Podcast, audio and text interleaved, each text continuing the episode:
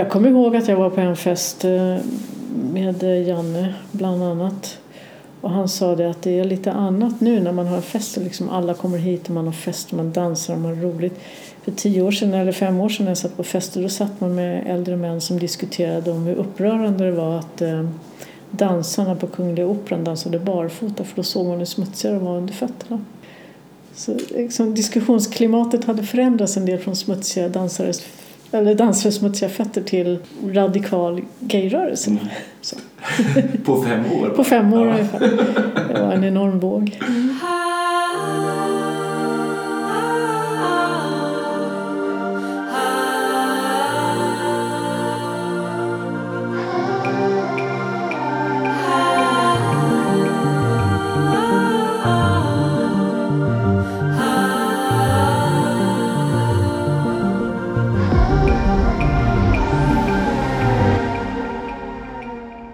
Heter Palmen Lydebrand och du lyssnar på Queer Story. I det här avsnittet med Mio. Mio är specialpedagog och kom in på Timmy redan som 16-åring och blev tidigt en del av rörelsen. Vi pratar om genustillhörighet som barn, om att bo som ung i ett queer-kollektiv och om fördelarna med att få vara oprofilerad och därför rörlig mellan olika grupperingar i rörelsen.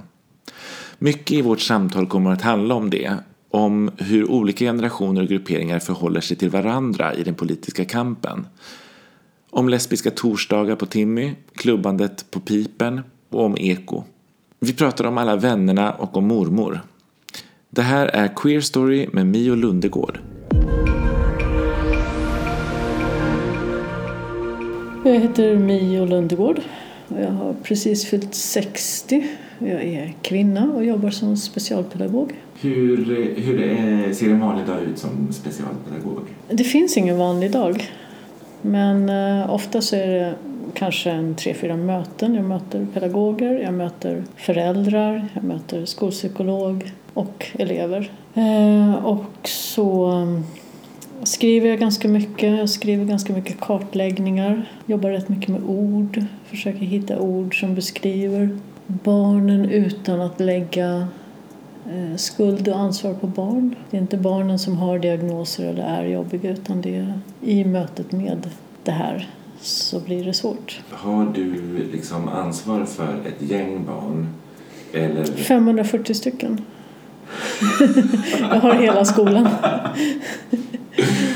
Och då är, men det är inte specifikt vissa personer som behöver extra stöd så där, utan Nej. det är mer som en... Men det ser väldigt olika ut. Det är ganska vanligt det att, det, att det kommer någon lärare och säger att nu, det här blir, det blir inget bra på de här lektionerna med den här eleven. Det kan vara att, att de inte fixar ämnet eller att de, att de stökar mycket eller att det, ja, på något sätt så blir det inte bra. Och då ja, börjar jag kartlägga prata med barnet. Vad är det som är svårt? När skär det sig och varför? Och hur känns det då? Och sen pratar jag med föräldrarna. Och det är ganska fort, det är ganska mycket som är man ser, eller jag kan se mönster. Det är ju rätt vanligt att det handlar om läs och skriv eller det handlar om ångest eller det handlar om ADHD eller någonting. Men då gäller det för mig att inte låsa mig vid att okej, okay, det är det här.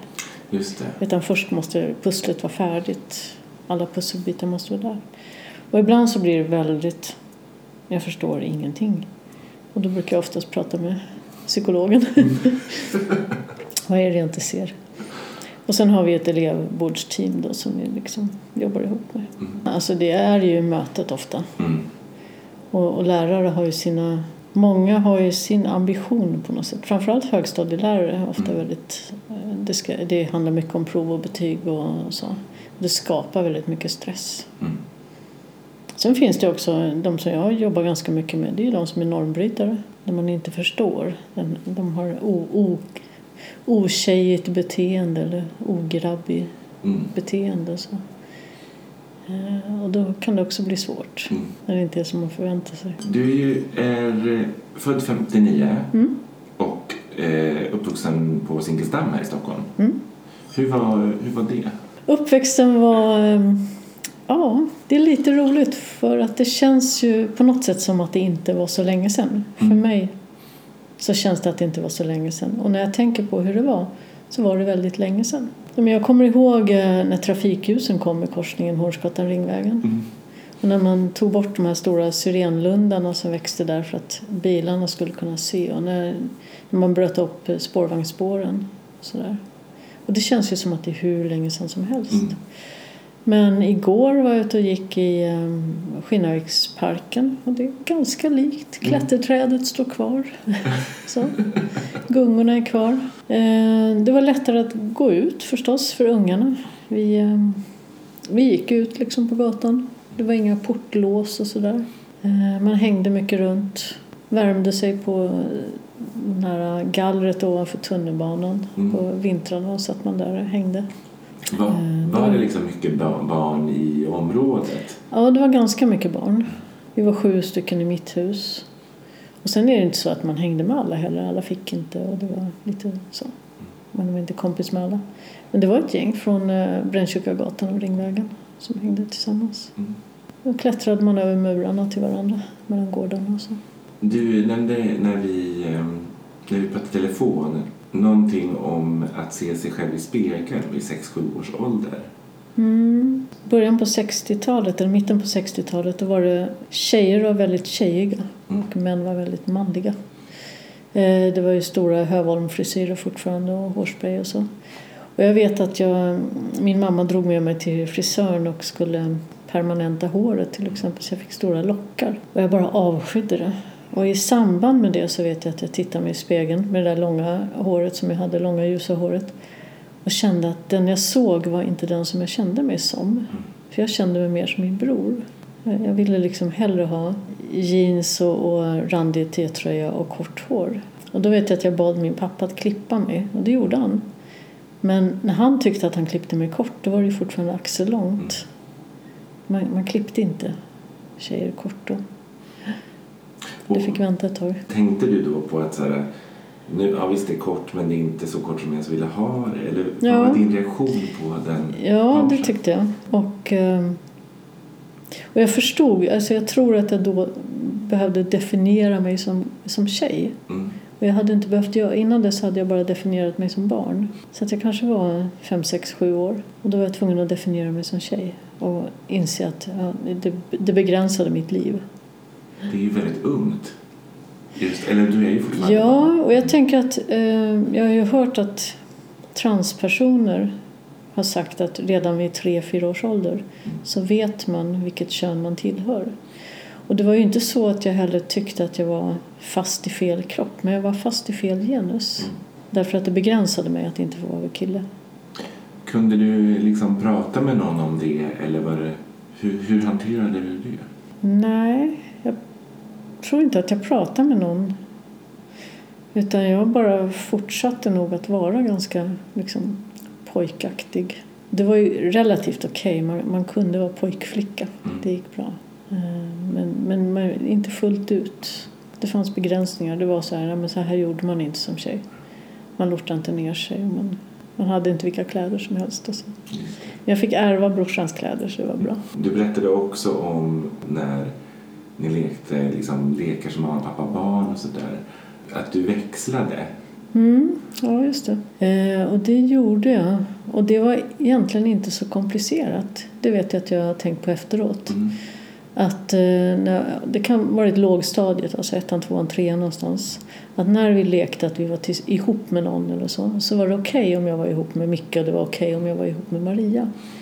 Det var, det var liksom lika bra. Mm. Jag tror inte att jag reflekterade så mycket över det. Utan det var senare när jag insåg att jag hade varit liksom förälskad i Maria då i sju års ålder eller någonting. Nu, hur kom du på det? Att du var förälskad i henne? Det vet jag inte. det bara var det. Ja.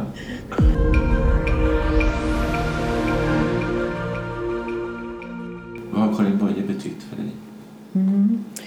När jag var 15, 16, 17 eh, då samlade jag på dikter som jag tyckte om och lärde mig utantill. Mm. Och då vet jag att jag träffade min pappa vid något tillfälle. Och eh, vi pratade Karin Boye. Jag berättade om någon dikt som jag tyckte om. Och då berättade han att hon var tillsammans med en tjej, eller en kvinna då. Eh, och det var väl kanske första gången som jag för, liksom, tänkte att det fanns andra, till och med kända personer som kände likadant som jag. Och det blev jag nyfiken på. Det var bra. Det var jättebra för mig att läsa hennes kärleksdikter då. och förstå att de var skrivna till en annan kvinna. Det blev en bekräftelse. Kan du minnas ett sånt tillfälle där det liksom polletten trillade ner på något sätt? Alltså, jag tror att, eller jag har eh, nog alltid vetat att jag har förälskat mig i tjejer och var attraherad av tjejer. Eh, och, eh, men jag hade inte ord för det. Och också det här att det problematiserades inte. Det var ingenting som var något. Eh, förrän jag i tonåren fick ett ord för det. Och då blev det också ett problem. För dig själv också eller för andra att det blev ett problem? För mig, ja men den här lektiden då som relativt litet barn. Då var det inte något, några svårigheter att jag kunde vara tillsammans med Maria eller någon annan tjej. Men sen kommer puberteten och det blev mera ja, en sexualiserad attraktion. Eh, och jag då fick reda på ja, men om man tycker om man är tjej som tycker om tjejer så är man homosexuell. Och det är jätteäckligt. Eh, då blev det naturligtvis någonting som, jaha, det här ska jag nog inte berätta om. För det är inte bra. Fanns det någon liksom som, du, som du kunde berätta det för? Jag berättade för min gamla faster. Vi pratade om det här om dagen faktiskt. Ja. För hon, eh, hon sa att jag var nog den första som visste om det och då sa jag, ja det var det nog. Hur berättade du det? Ja, vi satt i bilen och, och eh, bilradion spelade någon sån här kärlekslåt eh, som vi bara kommenterade och då sa jag, tänk att alla, alla låtar bara handlar om tjejer som gillar killar och killar som gillar tjejer. Och då frågade hon mig, jaha, känner du annorlunda? Ja, sa jag. Ja, jag har nästan gissat det, sa hon. Är det så att du vill ha sällskap på någon gayklubb någon gång så får du säga till så får du dra med mig, sa hon. Men hon tyckte inte att jag skulle berätta det för min mamma för hon skulle aldrig förstå så. Men ni kunde sen prata om det och du kunde dela med dig med henne? Eller hur? Nej, jag pratade inte med henne om det faktiskt. Jag tror att det, jag var väl i brytningspunkter också från familj och så så att det var inte, det var inte min faster jag i första hand gick och pratade med. Hur var annars din eh, ungdomstid? Eh, ja, men ungdomstiden var väl i flera perioder. Mm. Och då, när jag var mitt i det, då var det väldigt långt och väldigt stort och väldigt kaotiskt. Och det, så är det väl när man är i pubertet och det är liksom det är hela världen och efteråt så känns det som att jag är de där fyra åren eller vad det var för någonting. Eh, så det är lite olika men jag, jag gick ju på en eh, privat, eller, ja, privatskola hette det ju då, då Mm. eh, i högstadiet där jag inte passade in överhuvudtaget. Jag var ganska annorlunda. Det var väldigt eh, ordentliga tjejer och killar och jag var ganska utsatt därför att jag var annorlunda. Mm. Jag ville vara en korthårig och lite slarvigt klädd och inte ha märkeskläder och tänka fel politiskt och sådär. Ehm, och, att, och det var där jag också fick eh, liksom, en kompis då som sa att ja, men, om man är bisexuell eller homosexuell det är verkligen äckligt. Mhm. Ehm, och din kompis? Ja. Ehm, och sen hade man de här kassa biologilektionerna med biologilärare som pratade om äldre olyckliga män som förför unga pojkar. Mm. Och det andra var normalt. Så det var en, en period då jag definierade mig på något sätt. Jag kände att ja, men, jag är inte som alla andra. Och det var ju svårt. Men jag är 13, 14, 15 Mm. år. Så. så det var struliga år. Jättedåligt för studier och utveckling. Mm. Hade det inte så jättebra relation hemma med min mamma heller. Hon var ensam hemma med mig då. då. Min brorsa hade flyttat iväg. Sen började jag på folkhögskola och då blev det lättare. Ja, men då fanns det fler som var lite radikala, som var lite vilda och så. Var det också här i Stockholm? Nej, det var i, um, Var var det i Freds folkhögskola. Jag försökte läsa upp um, högstadiebetyget då. Eh, och det var ganska, vi, alltså, det var ganska, vi festade mycket och det var mycket så. Då. Så rent studiemässigt så var det väl inget vidare. Eh, Det var andra saker som hände som gjorde att det inte var bra. Mm. Men, men för just i det här så var det ganska bra. Jag kände att äh, jag var inte så annorlunda. Eller det som jag tyckte var annorlunda var inte så farligt. Mm. Liksom. Det var rätt okej. Och jag gick, jag gick inte där fullt ett år. Jag hoppade av. Men då hade jag i alla fall börjat att förstå. Och i samma veva så fick jag ta eh, kontakt med ett eh, lesbiskt, eller ett queer-kollektiv var det väl egentligen. För jag tror att det var tre lesbiska och en bög och en heterosexuell kille och sånt där. Som bodde granne med min mamma då. Eh, och då fick jag kontakt med dem och kunde via dem få kontakt med Lesbisk front. Mm. Eh, och via Lesbisk front då komma till RFSL. Då var jag bara 16. Så första gången jag gick till Timmy eh, då blev jag knappt insläppt för jag var ju under åldersgränsen för 18.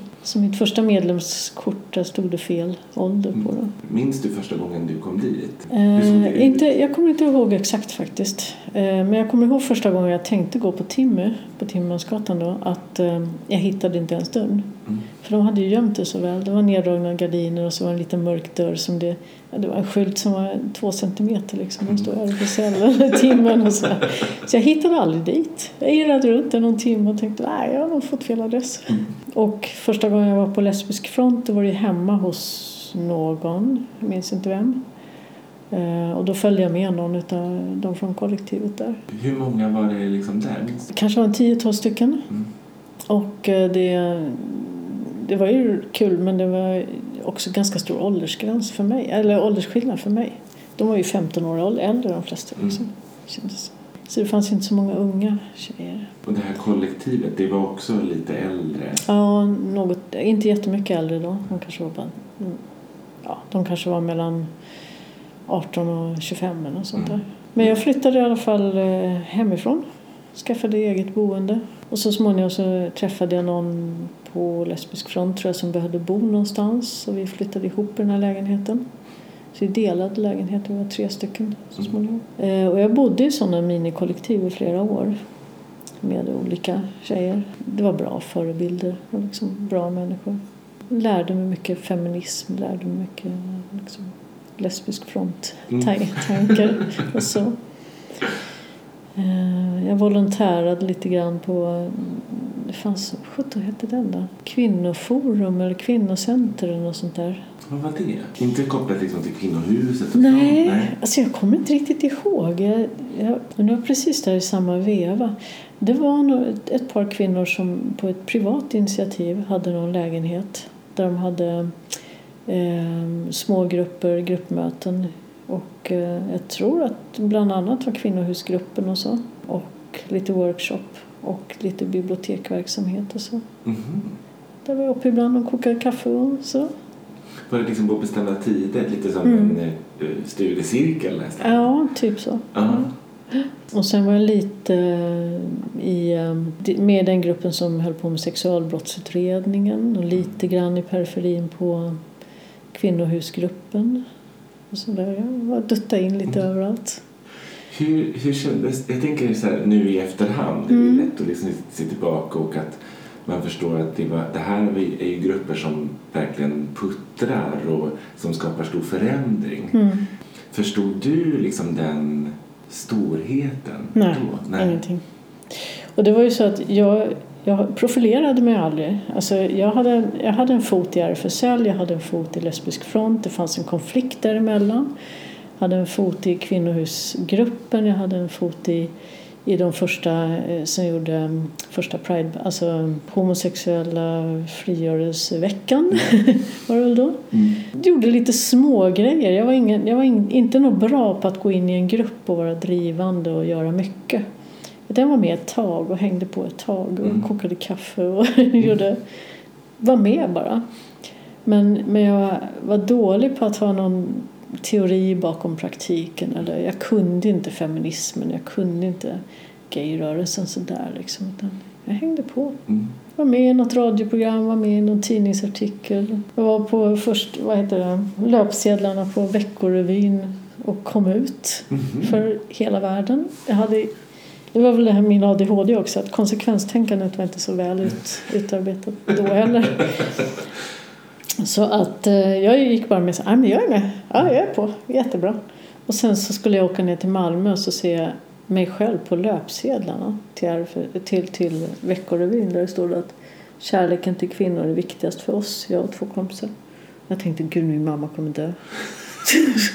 det gjorde hon nästan. Vad tänkte du, vad, liksom, vad kände du efter det? Det är ju supermodigt. Även om man kanske inte förstår vad nej, det är. Ja, jag vet inte. Det var ju bara så här, jaha, du, det blev så. Så Mm. blev det. Mm. Jag, jag ångrade mig lite grann. Jag hade lite ångest faktiskt. Det var lite jobbigt. Men eh, jag överlevde det med.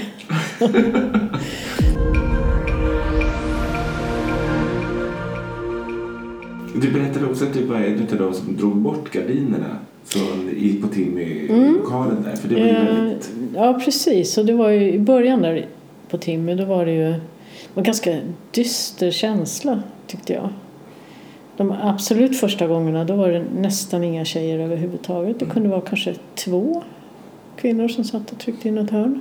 Och sen så, jag tror att jag kom precis i brytpunkten. Jag kom liksom precis efter frigörelsen hade börjat. Bögrörelsen hade börjat på något sätt. Så att det kom fler och fler yngre killar. Och eh, jag var en av de få yngre tjejerna. Så jag hängde på de killarna en hel del. Eh, och så var vi några tjejer från Lesbisk front som tyckte att, eh, att vi ville ha fler tjejer in. Så vi var med på ett årsmöte och röstade igenom att få en kvinnokväll i veckan. Mm. Och det var många av bögarna som tyckte att det var skitjobbigt att vi hade kommit där och tagit över. Alltså just för övertagandet av en kväll så Ja. tyckte man att det var jätte... Mm. Ja.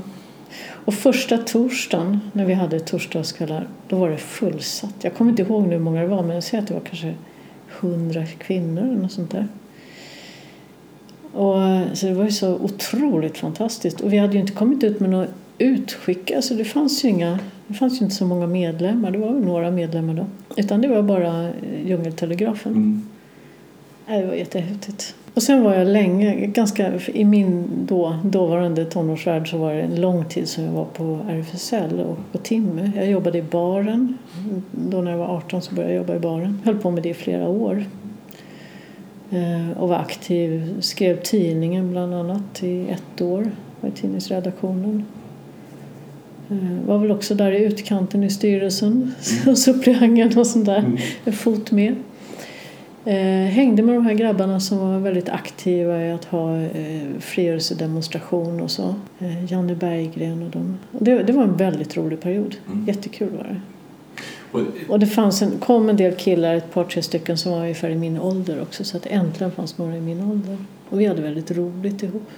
Jag tror att det var så att vi faktiskt blev av med kvällarna efter något år eller ett, ett par år. Att, att vi röstades bort. Under förevändning då att ja, men det ska, men jag ska inte vara separatistisk. Då försvann ju tjejerna igen då. mm. Så att det, var, det var en ganska kort period som det var en tjejkväll. Men säg att det var ett par år eller något sånt där. Mm. Minns du eh, just det, den där eh, tillfället när gardinerna drogs bort? Nej, jag kan inte säga att jag precis minns det. Men jag, jag kommer ihåg känslan att det, det var flera saker som hände samtidigt där. Alltså vi, vi fixade till, byggde om, gjorde i ordning. Från de här murriga, mörkröda till eh, att man öppnade upp, tog bort gardinerna, målade om, fräschade till, tog bort eh, tittgluggen på dörren och satte upp en större skylt och sådär. Mm. Det liksom, man öppnade upp. Det kommer jag ihåg. Jag, jag vet att jag tänkte efteråt att jag hade ingen sån här tonårsperiod som alla andra när man eh, dejtade och testade och så. Utan då satt jag mest och var dyster och visste inte vad jag skulle göra av mig.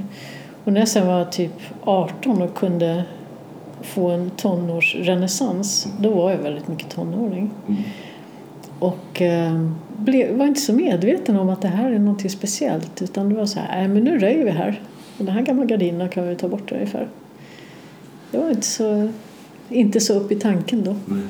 Jag vet att ibland, ibland så blev jag medvetandegjord om det. Alltså när vi till exempel bara var tjejer som skrev medlemstidningen. Mm.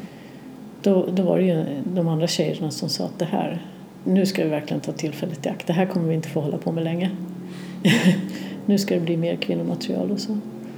Det var ju många fler killar som var med i RFSL. Och det var fortfarande så att eh, många av de här radikala eller yngre killarna då, som hade lite annan tanke, de hängde inte på RFSL. RFSL var lite gubbigt. Jag vet att jag tänkte på det när vi stod i Humlegården första gången i alla fall, 100 pers aktivister med våra skyltar och Mm. hade Prideparad. Då visste jag att det här, det är något speciellt. Eh, Jag var ju redan ute och liksom, det var inte farligt för mig. Men det fanns de som var väldigt rädda. Mm. De var rädda att bli attackerade och överfallna. Några kom ut för första gången och stod liksom och hoppade fram och tillbaka under skyltarna. Inte visste riktigt. Några liksom förutspådde att det här kommer bli lika stort som i USA, liksom, Mm. San Francisco. Jo, men vi ann- annonserade i DN också. Jag kommer ihåg att det var några tidningar som inte tog in annonsen. Det kommer jag ihåg. Det fanns någon gratistidning i DN då, eller i Stockholm då, eh, som tog in och kanske DN, men jag tror svenskan tog inte ens in annonsen. Men det var ju mycket sånt och vi, vi, i de här um, gratisannonserna där satte vi in vad man skulle göra på TIM och i RFSL och så. Det var ju ofta som kategoriskt några av tidningarna som aldrig tog in det. Det var inte allmängiltigt. Sen vet jag, kommer du ihåg Mullvaden? Kvarteret Mullvaden? Nej. Timmermansgatan? Nej, Krukmakargatan Mm. var det väl. Så var det ett helt bostadskvarter som skulle rivas och byggas eh, bostadsrätter. Och eh, kvarteret ockuperades därför att eh, hyresgästerna hade, kunde bevisa att det var inget fel på husen. Utan det var bara husägarna som ville bygga någonting nyare för att tjäna pengar. Mm. Så man ockuperade husen länge och till slut så stormades husen av kravallpoliser då, som släpade ut demonstranterna och så rev man dem. När var det här? Sex, vänta nu ska se, 75 kanske, 77 någonstans. Och då när, eh, under ett par dagar så var ju både poliser och demonstranter där så att det var liksom knökfullt med folk utanför eh, Södermalmsskolan och som satt där och försökte bilda kedjor mot poliser och så. Då hade vi timme öppet och det var jättebra. För Mm. då, då fick vi liksom en, en connection att, att, att det var något positivt, att Mm. gayrörelsen var positiv. Och det var ju också en del av de i styrelsen som motsatte sig och efter några dagar var vi tvungna att stänga. För det var inte bra. Nej. Varför tyckte RFSL att det var att man inte skulle... Var det Ja, men det var, ja, det var för politiskt. Men det var fortfarande en del som, som, som ville vara lite mer separatistiska kanske. Mm. De ville ha bögar Mm. bara. Och kanske också för och rädsla. Ja, en del var ganska, en del var ganska mörkblå i sitt politiska tankesätt också. Då skulle man inte stödja de här ockupanterna. Jag kommer ihåg att jag var på en fest eh, med Janne bland annat. Och han sa det att det är lite annat nu när man har fest och liksom alla kommer hit och man har fest och man dansar och man har roligt. För tio år sedan eller fem år sedan när jag satt på fester då satt man med äldre män som diskuterade om hur upprörande det var att eh, dansarna på Kungliga Operan dansade barfota för då såg man hur smutsigare de var under fötterna. Så liksom, diskussionsklimatet hade förändrats en del från smutsiga dansares eller dansare smutsiga fötter till radikal gayrörelse. Mm. På fem år? På fem år Ja. ungefär. Det var en enorm våg.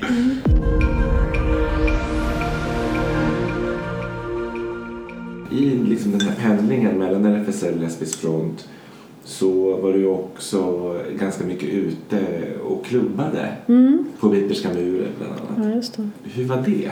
Och pipen var uppdelad då. Så att på högersidan så var det disco och där var killarna och på vänstersidan så var det en, kille med en Hammondorgel och en tjej som sjöng. Mm. Och där var tjejerna. eh, och det var ganska hårt, liksom. det var ganska svårt. Och sen, ibland, jag vet att några gånger så var vi något gäng som liksom satt och förfestade och sa nu går vi in på högersidan. Nu tar vi dansgolvet. Mm. Och en del killar tyckte det var jättekul att det kom lite tjejer och blev jätteglada och en del tyckte att det var jättejobbigt att det kom där och stökade och gjorde på fel sätt. Men jag tänker att det handlar ju om att för, förlora makt.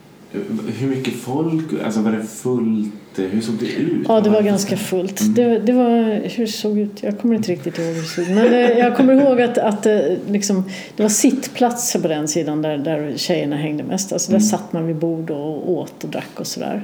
Och så var det ett pyttelitet dansgolv och det var bara typ liksom, dansa två och två. Mm. Pardans. Eh, och så var det garderob i mitten och så var det liksom större, mörkare, mera disco, mera så här discolampor och sånt där. På det andra stället där det var mest killar då. Och så var det ganska mycket eh, hångel inne på toaletterna. Först träffades man hemma hos några och förfestade och så gick man dit och så köade man in. Och sen så var man väl inne där och dansade en del. Hängde till, de stängde klockan ett eller något. Och det var, det var verkligen så här, only game in town. Det, var, Mm. det fanns inte så mycket annat. Sen vet jag att det så småningom fanns någon svart klubb, eller halvsvart klubb i alla fall. Man fick ju inte servera alkohol efter ett så att de, de serverade bara alkoholfria drinkar men som var öppen till fem i alla fall och dit fortsatte man ibland. Var låg den? Ja, jag kommer inte ihåg faktiskt. Och sen, eh, ja, sen är det är också så här, det, det, är lite grann som att det går i faser och perioder och jag vet inte riktigt om det jag tror att det, det har med, med vad det var för faser och perioder i samhället men det var också naturligtvis faser och perioder i mitt liv. Mm. Liksom så. Sen började det väldigt mycket det här med idrottsrörelsen också började mm. röra på sig. Och det var ju en del, många av de här tjejerna som spelar fotboll som började hänga på pipern och sen började man liksom förstå att det fanns många kvinnor i fotbollslagen. Tjejerna som spelade fotboll då, de var inte öppna. Men alla visste. Mm. Det var lite så. Man kunde titta på laguppställningarna liksom och så säga ja, men den är, den är flat och den är flat och den är flat. Den är inte, tror jag inte och den, är, och den där kommer nog att bli men den är så. väldigt mycket. För mig var det tydligare att det var den feministiska eh, genren, de som hängde runt Grupp 8 och mm. runt Lesbisk front. Och på den andra sidan så var det mer de som festade och gick ut. Och sen kom det då en tredje kategori kan man säga. Och fotbollstjejerna var i mångt och mycket ganska vanliga. De var inte så politiska och de hade, de var inte heller, hade inte hängt så mycket på klubbar utan de hade hängt i ett tredje sammanhang. Och jag upplevde att de blandade upp det här gänget en del.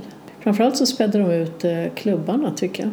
Det var de tror jag som gick över mer på discogolvet på, i pipen, på pipen liksom. De gick på andra klubbar. Och, ja. Var mera fester hemma hos varandra också. Så. Och där blandas det folk en del. Men du berättade också att du efter ett tag drog dig undan från liksom, klubblivet. Ja, det var ju flera saker som var där. Eh, dels så, ja, alltså jag gick in i en parrelation, började jobba skift. Det var också så, det var mycket alkohol mm. Eh, i klubblivet. Det var ju det. Och man festade varenda helg. Och det var liksom det som gällde. Man träffades på fredag eftermiddag och sen började man. Och så höll man på tills man somnade på söndag eftermiddag någon gång. Mm. Och, ehm, eh, och det blev inget bra för mig. Jag, jag, jag var inget bra på att dricka. Eh, så att jag började jobba på SL och började jobba skift. Och var ju borta då från klubblivet på helgerna. Mm. Och det var kanonbra för mig, för min hälsa. det var min överlevnad. Mm. Eh, och i samma veva så träffade jag en tjej då så att, och vi jobbade skift båda två så att vi kom bort ganska mycket från klubblivet. Och jag blev helnykterist under en lång period. Eh, och då började jag faktiskt hänga med, det känns ju jättedumt som om man blir nykterist och religiös men det var inte riktigt så. Jag började hänga med eh, EKO, mm. Ekumeniska gruppen. Också för att ja, men de gjorde roliga saker tillsammans. Mm. Och, och man behövde inte dricka för att ha kul. Liksom. Det var så. Hur var det då? Var det liksom en stor eh, grupp? Nej, den var ganska liten. Den var pytteliten till att börja med, växte, blev ganska stor och sen så blev den, försvann den. Så det var några hundra som, som mest var aktiva. Vi hade kul. Vi åkte på bussresor till Norge och gjorde roliga saker ihop och sådär. Det var dels de här som, som var väldigt utsatta i sina församlingar, mm. framförallt frikyrkorna, eh, som behövde någonstans att få träffas och då jobbade man ju ganska mycket politiskt. Mm. Hur kan man förändra det här? Hur kan man förbättra situationen? Mm. Men sen var det också en samlingsplats. Att liksom, vi träffades på söndagarna efter när folk var färdiga med sina gudstjänster. Mm. Och fikade ihop och käkade ihop och hade middagar och hade lite fester och sådär. Och då också, det som också hände i samma veva där, det var ju att eh, aids kom. Och det blev också för mig att jag såg det lite grann utifrån. För eftersom jag då hade slutat vara på klubbarna mm så blev det, jag kom dit någon gång ibland. Jag gick på någon, ja, någon stor fest eller någonting. Och så ser jag ett par av mina gamla kompisar då som, som är döende liksom. Mm. Och det var hela, hela det här stora gänget som jag hängde med mm. i mitten av 70-talet. De nästan allesammans försvann. Mm. Och Janne som var väldigt drivande i att starta frigörelseveckan. Mm. Eh, Gunnar och de där, de försvann. Hade du liksom kontakt med dem i liksom, deras sista tid och sådär? Nej, nästan inte alls. Och det var ju också för många gick det väldigt fort. Mm. Så var jag borta några månader så, så blev de sjuka och försvann. Utan jag bara fick höra när jag kom dit. Så, ja, men Johan har dött och Janne har dött. Det var jätteknepigt. Pratade ni om det i Eko någonting om vad det var som hände? Nej, det var jag, alltså, jag försvann från Eko då också. Men började liksom närma oss slutet på 80-talet. Och då, då träffade jag en tjej och flyttade från stan ganska eh, snart. Så att det var mer att jag ja, hade kontakt med någon gammal kompis som berättade att det här har hänt, det här har hänt. Och jag fick barn 90 och flyttade från stan och så ett tag. Eller det var ingen av de här eh, killarna tror jag som jag hade privat kontakt med. Så, utan bjuden på deras fester eller hängde med i deras sammanhang. Jag Mm. fanns med där bara. Men det var inte någon som jag direkt ringde till eller eh, var hemma hos eller så. Utan man träffades en eller två gånger i veckan på Timmy. Mm. Och när jag försvann bort från det. Och det var, det var ett ganska stort steg. Alltså när jag slutade festa. Då var jag borta från det sammanhanget. Då var jag borta i, säg, sju, åtta år. Mm. Och när jag kom tillbaka då var det en helt annan värld. Då stängde ju Timmy också. Det här RFSLs hus på Sveavägen öppnade istället. Det tog flera år innan jag gick dit överhuvudtaget. Jag kände mig inte hemma där. Det var bara stort och konstigt.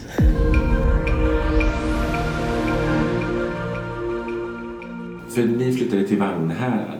Ja, just det. Hur var det att bo där? Det var inget speciellt. Och Jag tänker det är också en annan, en annan tid. Jag flyttade dit 97 kanske. Det var inget svårt att komma ut eller det var ingen som... Det var inget särskilt. Det var bra. Eh, Men när, när vi fick barn, Ja. eh, då bodde vi kvar i Stockholm. Och då eh, försökte vi hitta något forum för oss också. Mm. Mest för barnets skull. Tänkte att den skulle känna några andra som hade två tjejföräldrar så. Och då fanns det ingenting. Så började regnbågsfamiljerna när vårt barn var fyra år kanske eller någonting.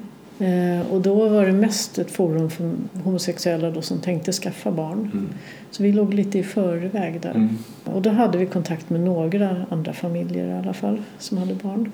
Och, och sen så, och då var vi också så här att vi var väldigt, vi var väldigt öppna. Vi, vi hade inga, vi, gömde, vi dolde ingenting liksom. Och det var väldigt bra. Vi märkte det på förskola och sådär att mm, det, gick- det gick väldigt lätt. Mm. Både bland barn och bland vuxna. Hur var det liksom under själva alltså själv, eh, möte med vården och sådär med... Mestadels bra. Ja. Alltså, socialtjänsten i Nyköping var kanske lite ifrågasättande. Mm. Att, att vi skulle skriva att det var fader okänd då. Mitt barn var 12 när min eh, dåvarande, alltså hennes andra förälder eh, kunde adoptera. För det var väl ungefär då 2002 som vi kunde ingå partnerskap och i och med att vi ingick partnerskap så kunde eh, hon adoptera vårt barn. För innan så kunde man antingen att det ska vara en kvinna och en man eller bara en. Ja, just det. Ja. Så då måste man säga att pappan var okänd. Och det sa vi ju inte. Vi sa ju precis som det är. Vi vet vem pappan är och vi har kontakt med den men vi tänker inte säga vem det är. Jag kommer ihåg den här socialtjänstkvinnan som sa Men tänker du verkligen förä- förvägra ditt barn arvsrätten efter sin far? Ja. Jag kände inte att det var något jätteproblem liksom. Du berättade också att ni var inne på Pride 98 och tyckte att det var lite jobbigt. Ja, det hade ju förändrats en del. Ja. Och jag tror, alltså jag, vi hade ju hamnat väldigt mycket i, i det här heteronormativa livet. Det var villa, Volvo och Volvo. Vi, vi levde ett väldigt, väldigt traditionellt vanligt liv på något sätt. Och så åkte vi in på Pride och eh, då är det ju så när man kommer utifrån så är det ganska lätt att se det som sticker ut. Och vi kände ganska mycket att Nej, men det här blir knepigt. För det här kan inte... Eller jag kände, jag ska bara prata för mig då. Jag kände att det här kan inte jag identifiera mig med. Det här är inte jag. Hur kändes det? Ja, för mig kändes det väl kanske som att det hade tagit över. Att showen hade tagit över framför det politiska. Mm. Att det som hade varit en politisk rörelse för mig hade blivit till någon spexashow och någonting som jag hade svårt att förstå. Och då jag kände också att det som, det som var viktigt för mig, alltså den kampen för att kunna vara öppen och så, Mm. att den lite grann hade blivit eh, förringad. Mm. Ja, men nu kan man stå liksom i guldkallingar och spruta champagne. Ja, ja. Det kunde du banne mig inte för 30 år sedan. Sen när jag har återvänt till Pride så har jag sett att ja, det politiska finns ju också. Det, det kanske inte syns lika mycket men det finns definitivt. Och nu kan jag se att det finns en fördel i mångfalden. Men första mötet där, det tyckte jag var svårt. Och så var jag in på Prideparken i, i eh, Tanto och när man då ska betala för att gå in i en bur det kändes också så här, nej det är banne mig inte det här jag har slagits för. Att vi ska vara inom, inne i en bur. Och så satt liksom de andra utanför i gräset och fikade och tittade på oss. Jag kände så, nej, aldrig. Det var ju aldrig okomplicerat att komma ut. Alltså från processen från mellan jag var 10 år och 20 år. Mm. Och jag upplevde ju ganska tidigt att jag hade kommit ut fast jag uppfattade mycket senare att nej, det hade jag inte. Mm. Jag körde den här feg-varianten att ja, men om någon frågar så säger jag hur det är. och det är så vem frågar? Mm. Och, och det kändes lite grann som att um, det blev svårare att stå för det här är jag. Om jag var rädd att jämföras med de som spexade bort det på något sätt. Så visst, det fanns en, en, en feghet i det. Och som jag inte känner nu då, där jag kan känna att ja, men, det är jag också. Ja. Det är mångfalden som är positiv. Det, och det behöver ju inte vara något statiskt. För att jag, om jag nu står i guldkallingar på ett flak och spruta skumpa så kanske jag inte gör det om 20 år. Men just nu var det väldigt kul att få göra det. Och kanske viktigt för er. Och vem är jag som då att lägga min, mitt mm. filter över och säga nej det ska du inte göra för här är vi minsann seriösa och ja. politiska. det finns ju också väldigt, det är ju också politiskt att vara den normbrytaren. Ja, och att ta plats i det offentliga rummet. Att vi är inte som ni eller så. Eh, och verkligen visa en sida av sig själv det finns mm. något otroligt kraftfullt i det. Oavsett ifall det går med eller går emot folks förväntningar.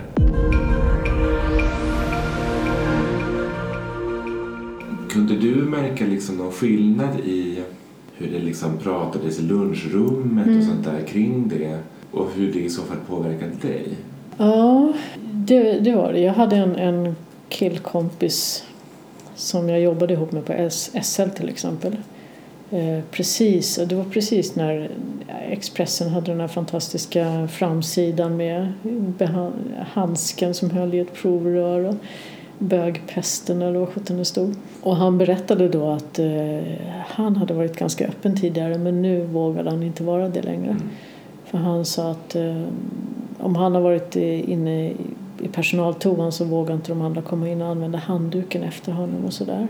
Det, det var en del snack, inte mycket snack men en del snack var det ju. Vi, jag jobbade ju som trafikledare och då kunde jag köra utryckning om det hade hänt något och då pratade man mycket om att nu kan man inte våga göra eh, mun mot mun metoden på någon om det skulle hända något. Vi måste ha en sån här mask och tänk om man blir smittad och vi måste ha handskar och tänk om någon blöder. Och det var väldigt mycket oro, väldigt mycket fara.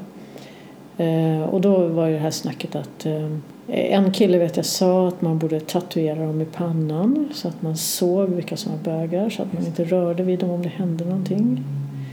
Minns du vad du tänkte om det, alltså när du fick höra det? Alltså?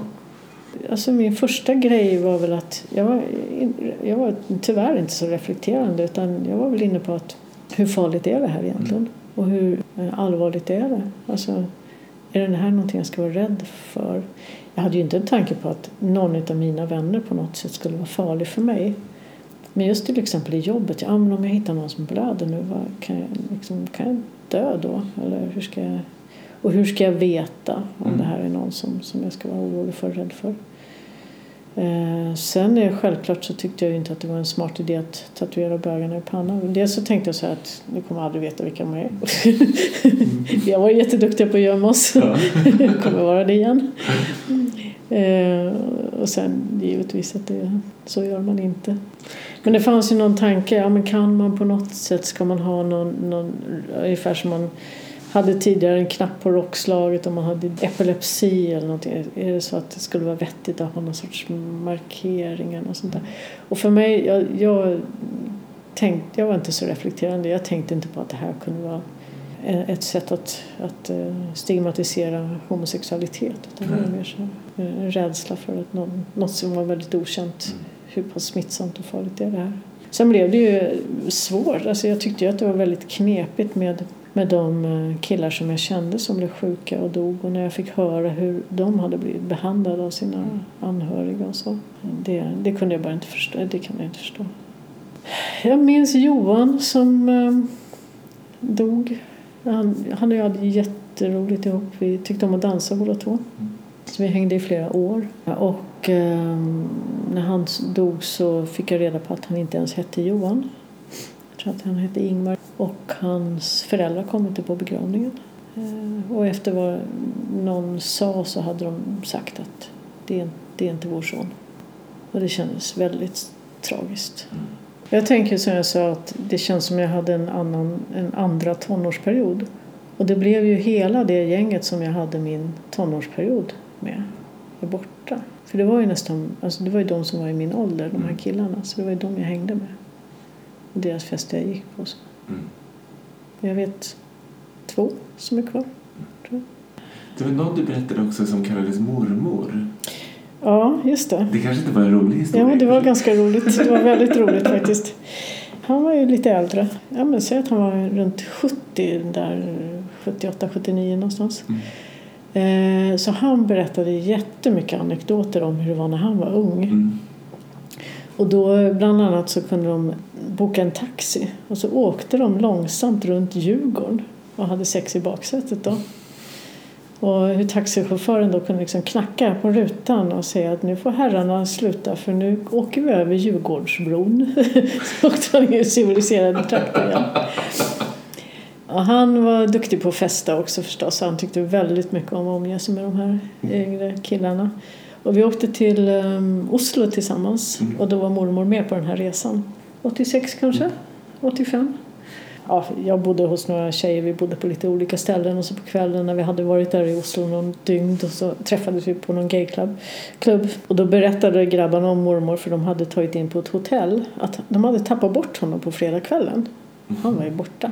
Och då så um, frågade de portieren då på natten när de kom hem att ursäkta har ni sett en äldre man som har, har eh, kommit in här kanske och sett lite vilsen ut? Och då hade portieren sagt att eh, menar ni den där gamla fjollan som kom inkrypande här med peruken mellan tänderna så har han gått och lagt sig.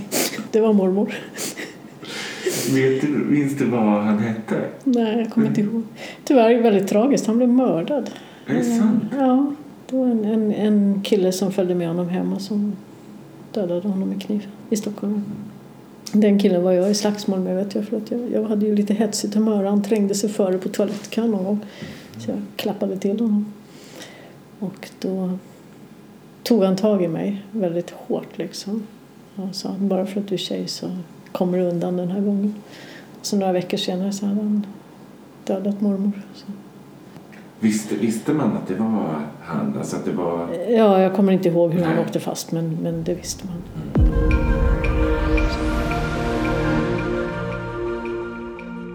Hur eh, ser ditt liv ut idag? Hur ser mitt liv ut idag? Jag lever ensam. Eh, Fast jag är inte så ensam för det. Jag har ingen, ingen relation i alla fall. Mm. Träffar mitt barn med jämna mellanrum. Träffar mina, min, mitt barns mamma med jämna mellanrum.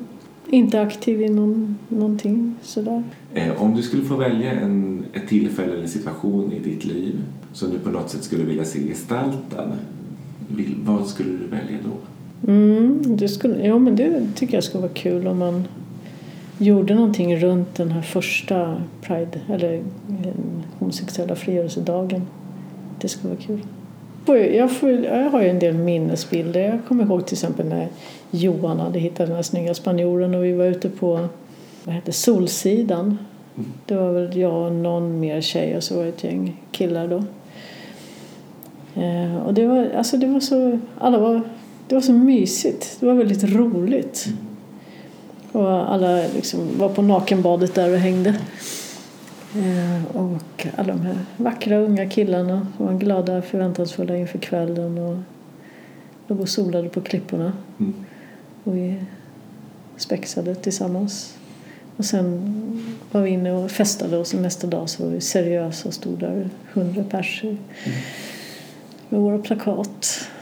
Uh, ja, jag har fotografier på mormor som står där mm. precis mitt emellan publiken och, och tåget liksom med sin lilla pudel. Mm. han var med.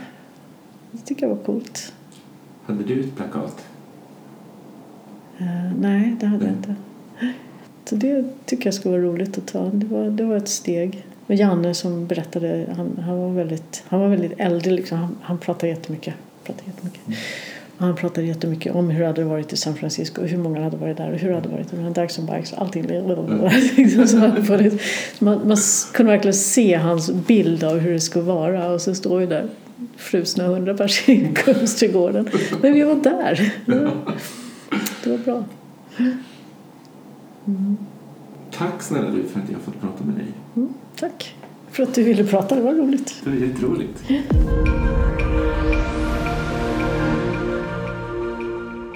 Musiken är gjord av Ilon Weide och Anna Nordenström, grafiken av Michel Hammenfeldt. Tack för att du har lyssnat.